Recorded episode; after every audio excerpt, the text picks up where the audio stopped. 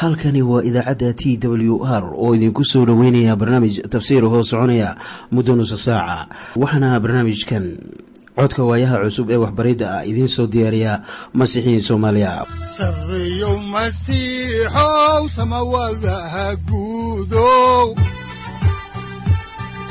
Siraadkii adduunkow subanaha eebow sareyow masiixow samawadaha guudow siraadkii adduunkow subanaha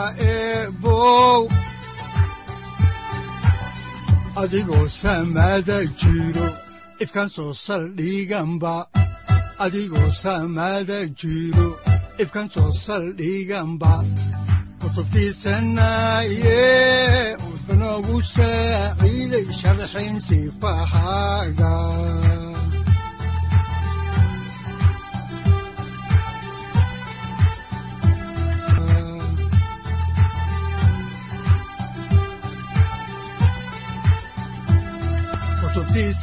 kutubtiisinayow ebnagu saaciid sharxin sifahaaga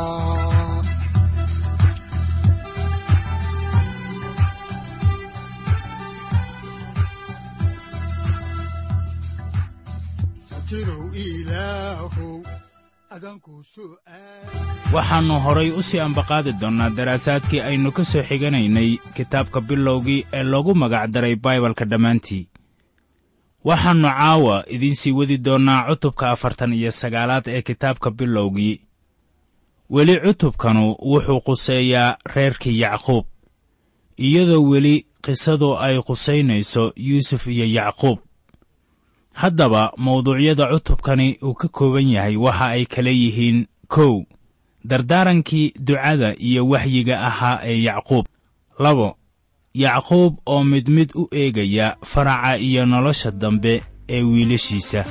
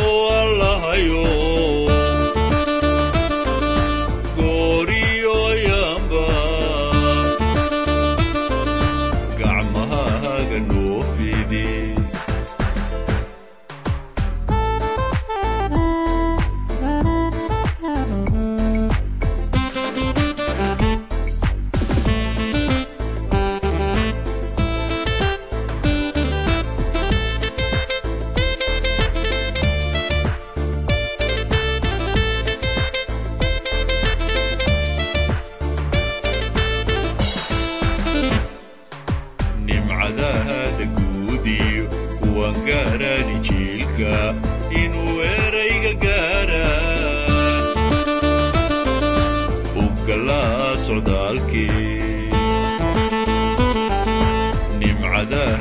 guudiyo kuwan gaaraan injiilka inuu erayga gaaraan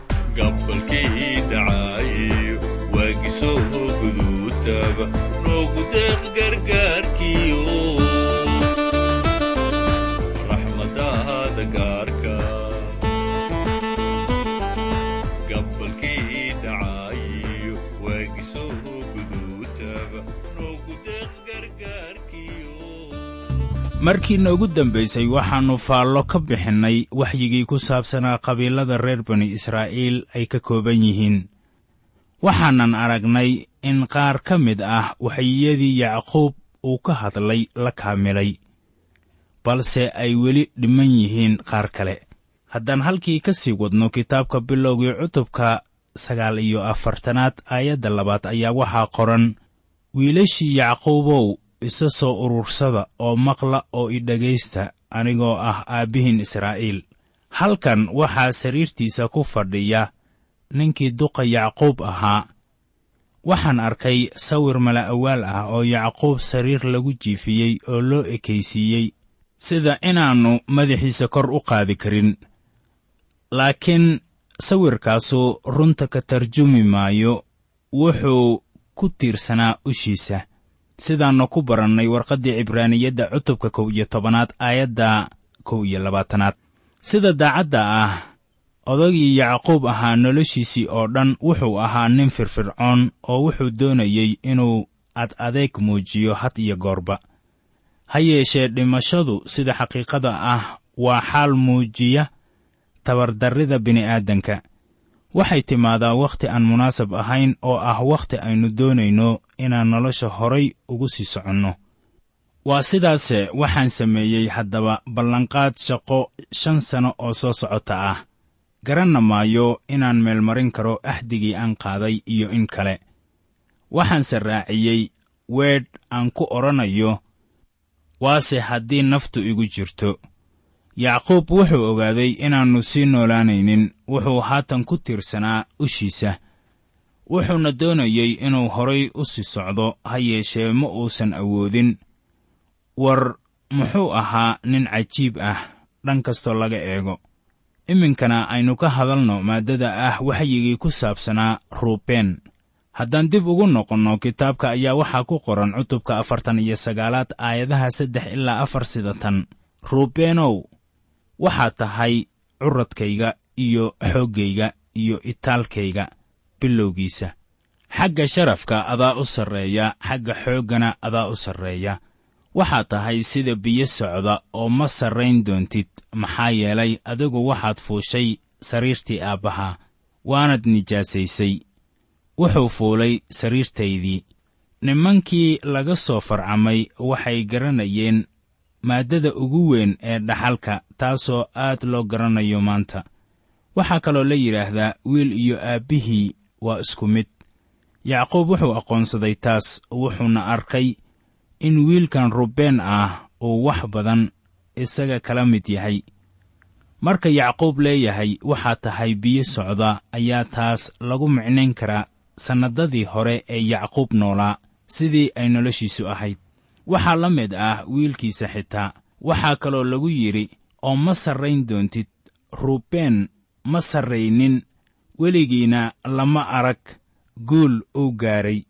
Sababta aawadeedna ma uusan sarrayn jirin amase ma ahayn horyaal.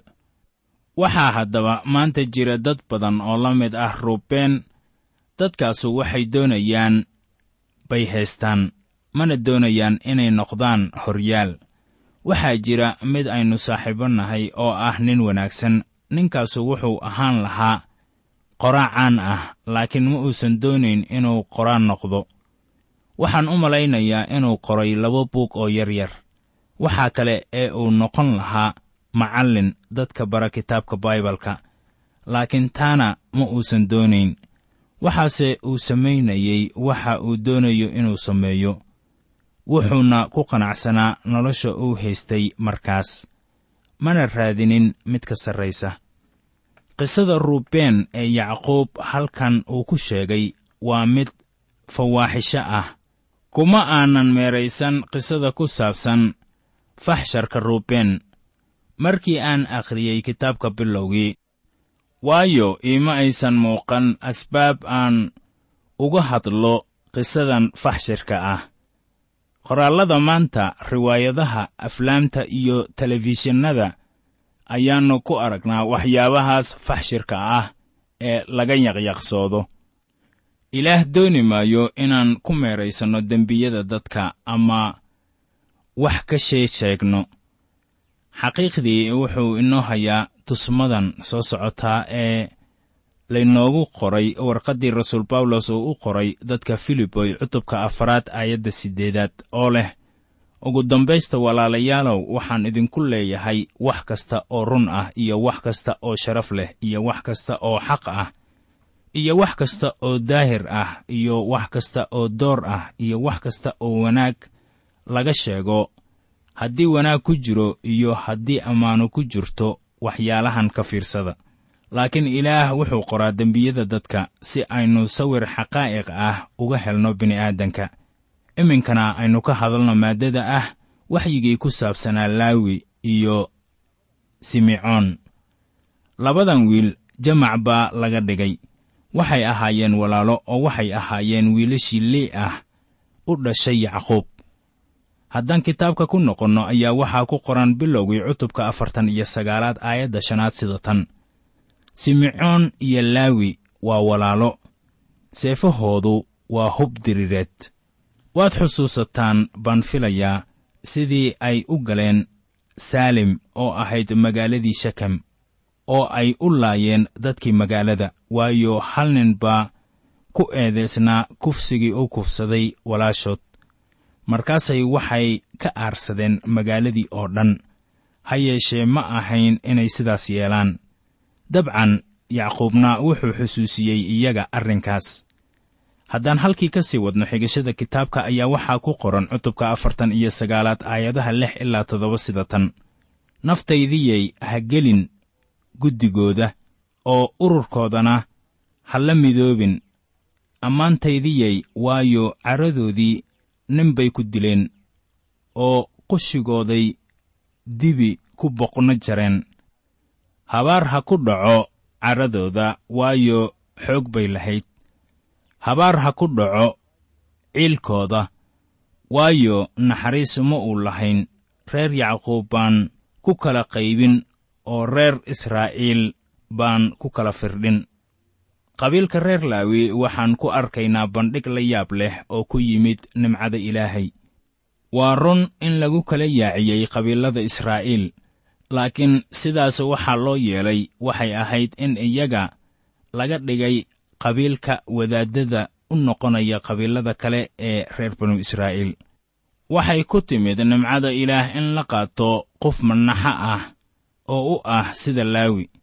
Haddana madax looga dhigay qabiilka wadaaddada waxaan kaloo idin leeyahay waa nimcada ilaah tan inaga soo wadday dembiilanimadii oo inaga yeeshay boqortooyo wada quduus ah rumaystayaasha oo dhan waa wadaaddo maanta.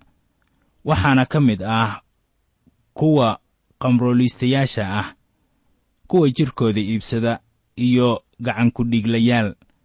Waxaa kiniisaddayda ka mid ahaa dhowr dadka aan kor ku soo sheegay ah. Haddaba su'aashu waxay tahay sidee bay ku noqonayaan wadaaddo ka mid ah boqortooyada ilaah waxay ku noqonayaan sida innaguba aynu u helnay nimcada ilaah aageed waxaa ku qoran warqaddii koowaad ee rasuul butros cutubka koowaad aayadaha siddeed iyo toban ilaa sagaal iyo toban sida tan. Waxaad og tihiin inaan dabeecaddiinnii laydinkaga soo furan waxyaalaha baaba'aya oo ah sida lacagta iyo dahabka. Laakiinse waxaa laydinku soo furay dhiiggii qaaliga ahaa oo masiix oo ah sidii wan yar oo aan wax ceeb ah iyo toonan lahayn. Haddaba isagoo hadalkii wata ayaa rasuul butros uu ku qoray warqaddiisii koowaad cutubka labaad aayadda shanaad sida tan.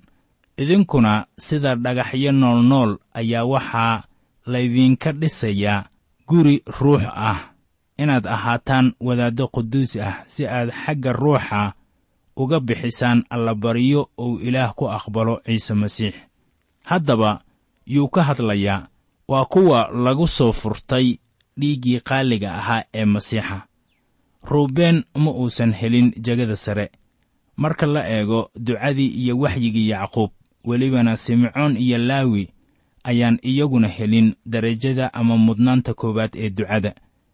Boqorku ka imaan maayo qabiilada iyaga ka soo farcami doona waxaase jira wiil kale oo dembiile ah. Waxaanse arkaynaa waxaa nimcada ilaah u samaysay isaga. Iminkana aynu ka hadalno maaddada ah waxyigii ku saabsanaa yuhuuddah haddaan ku noqonno kitaabka ayaan haatan eegaynaa ducadii iyo waxyigii ku saabsanaa yuhuuddah aannu ka eegno cutubka afartan iyo sagaalaad aayad siddeedaad oo leh sida tan.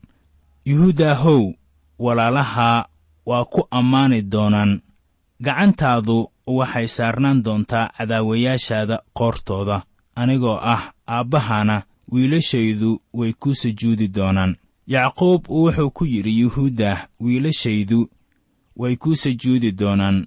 Muxuu sidaas u leeyahay? Waayo sayid ciise masiix ayaa ka imaanaya faraca yuhuuddah oo isaga ayaa lagu hor sujuudi doonaa haddaan halkii ka sii wadno xigashada kitaabka ayaa markaana waxaan ka akhrinaynaa cutubka afartan iyo sagaalaad aayadda sagaalaad sida tan. Yuhuuddah waa libaax dhashiis. Wiilkaygiyow wixii aad ugaarsatay waad ka tagtay. Wuu kadaloobsaday oo wuxuu u jiibsaday sida aar iyo sida gool. Haddaba yaa kicin doona. Waxaase haatan soo socda waxyiga ugu cajiibka badan ee qorniinka haddaba aynu eegno aayadda xigta ee cutubka afartan iyo sagaalaad aayadda tobanaad waxaana qoran sida tan.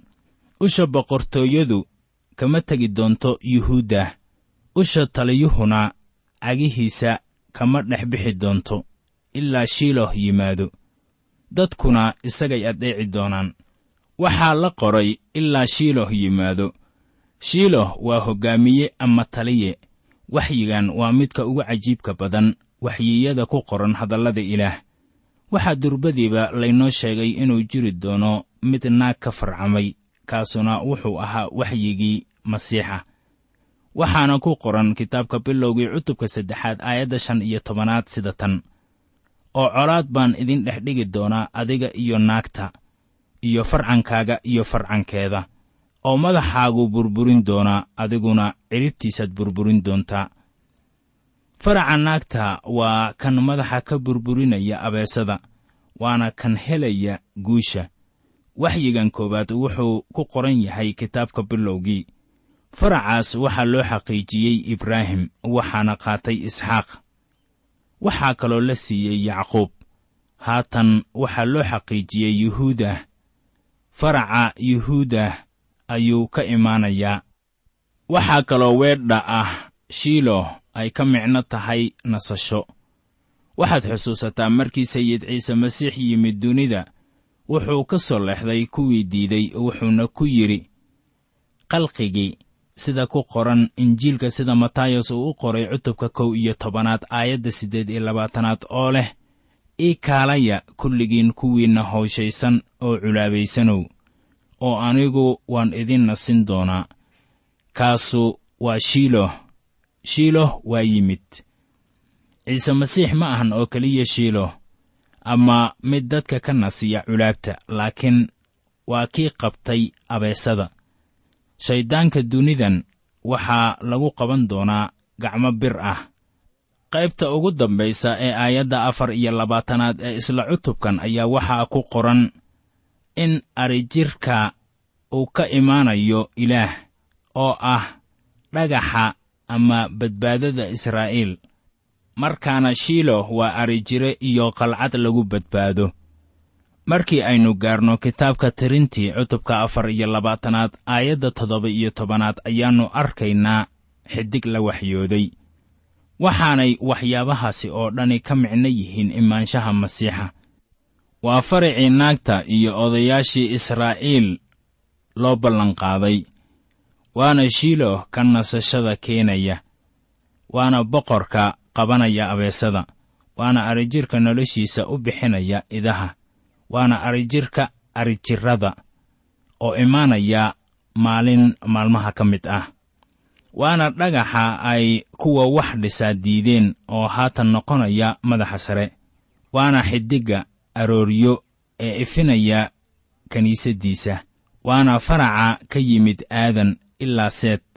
Kadib markii haabiil la dilay markii seed laga yimaado wuxuu soo maray nuux iyo saam ibraahim isxaaq iyo yacquub wuxuuna haatan soo galay faraca yuhuudda.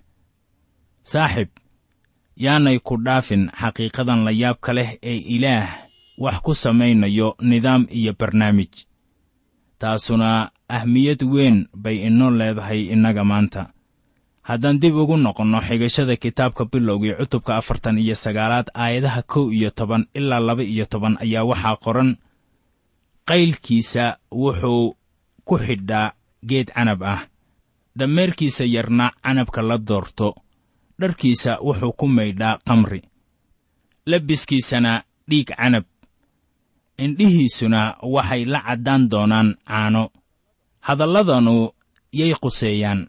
Waa masiixa oo yeruusaalem ku soo gelaya dameer qayl ah oo isku muujinaya inuu yahay masiixa boqorka ah iyo badbaadiyaha.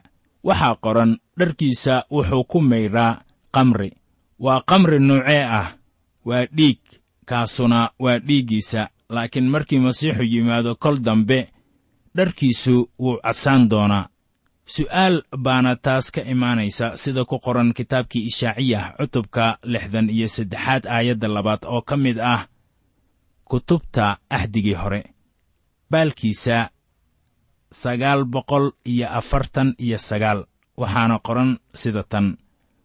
Bal maxaa dharkaagu u cas yahay oo labiskaagana maxaa loo moodaa sida dharka kan macsarada canabka ku joogjoogsada markan ma ahan dhiiggiisa laakiin waa dhiigga cadowgiisa. Waxaanay tanu saadaalinaysaa imaanshaha labaad ee masiixa markuu u yimaado xukunka. Waxyigan la siiyey yuhuudda waa kan ugu cajiibka badan waxyiyada ku qoran qorninka iminkana aynu ka hadalno maaddada ah waxyigii sabaluun haddaan halkii ka sii wadno ducadii iyo waxyigii yacquub ee wiilashiisa ayaa waxaa ku qoran cutubka afartan iyo sagaalaad aayadda saddex iyo tobanaad sida tan. Sabaluun wuxuu degganaan doonaa badda xeebteeda wuxuuna noqon doonaa marsada dooniyaha. Xuduudkiisuna wuxuu ahaan doonaa sidon agteeda.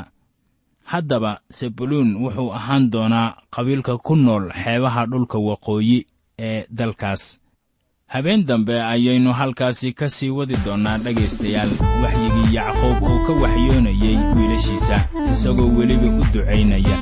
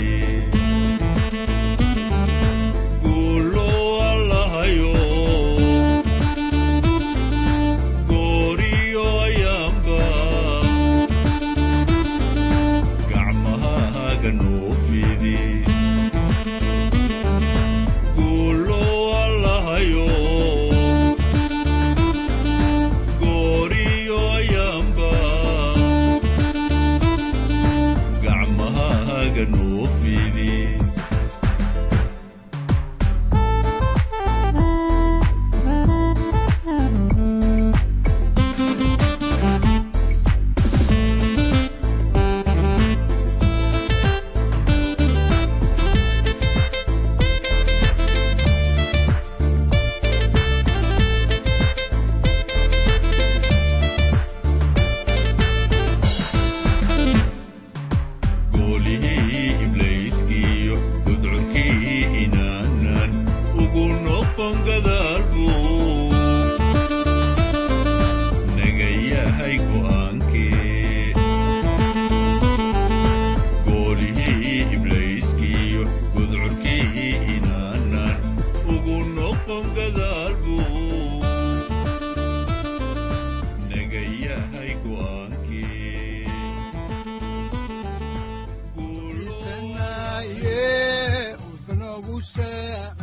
halkani waa t w r idaacadda t w r oo idinku leh ilaa ha idin barakeeyo oo ha idinku anfaco wixii aad caawi ka maqasheen barnaamijka.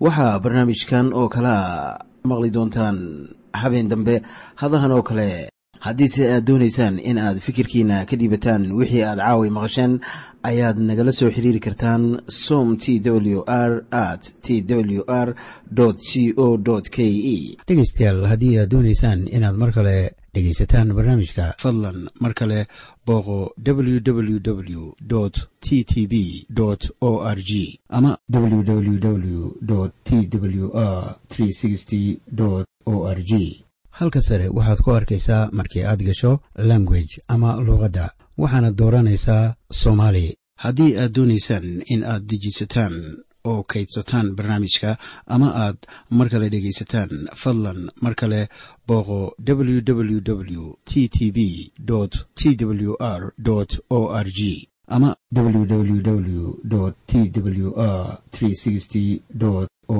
r g haddii aad doonayso in laga kaalmeeyo dhinacyada fahamka kitaabka amase aad u baahan tahay duco fadlan fariimahaaga soo mari bogga aaraahda ama kommentska inana jawaab degdeg ah ayaanu ku soo diri doonaa amase ku siin doonaaye Sarreeyow Masiixow, wihiyow.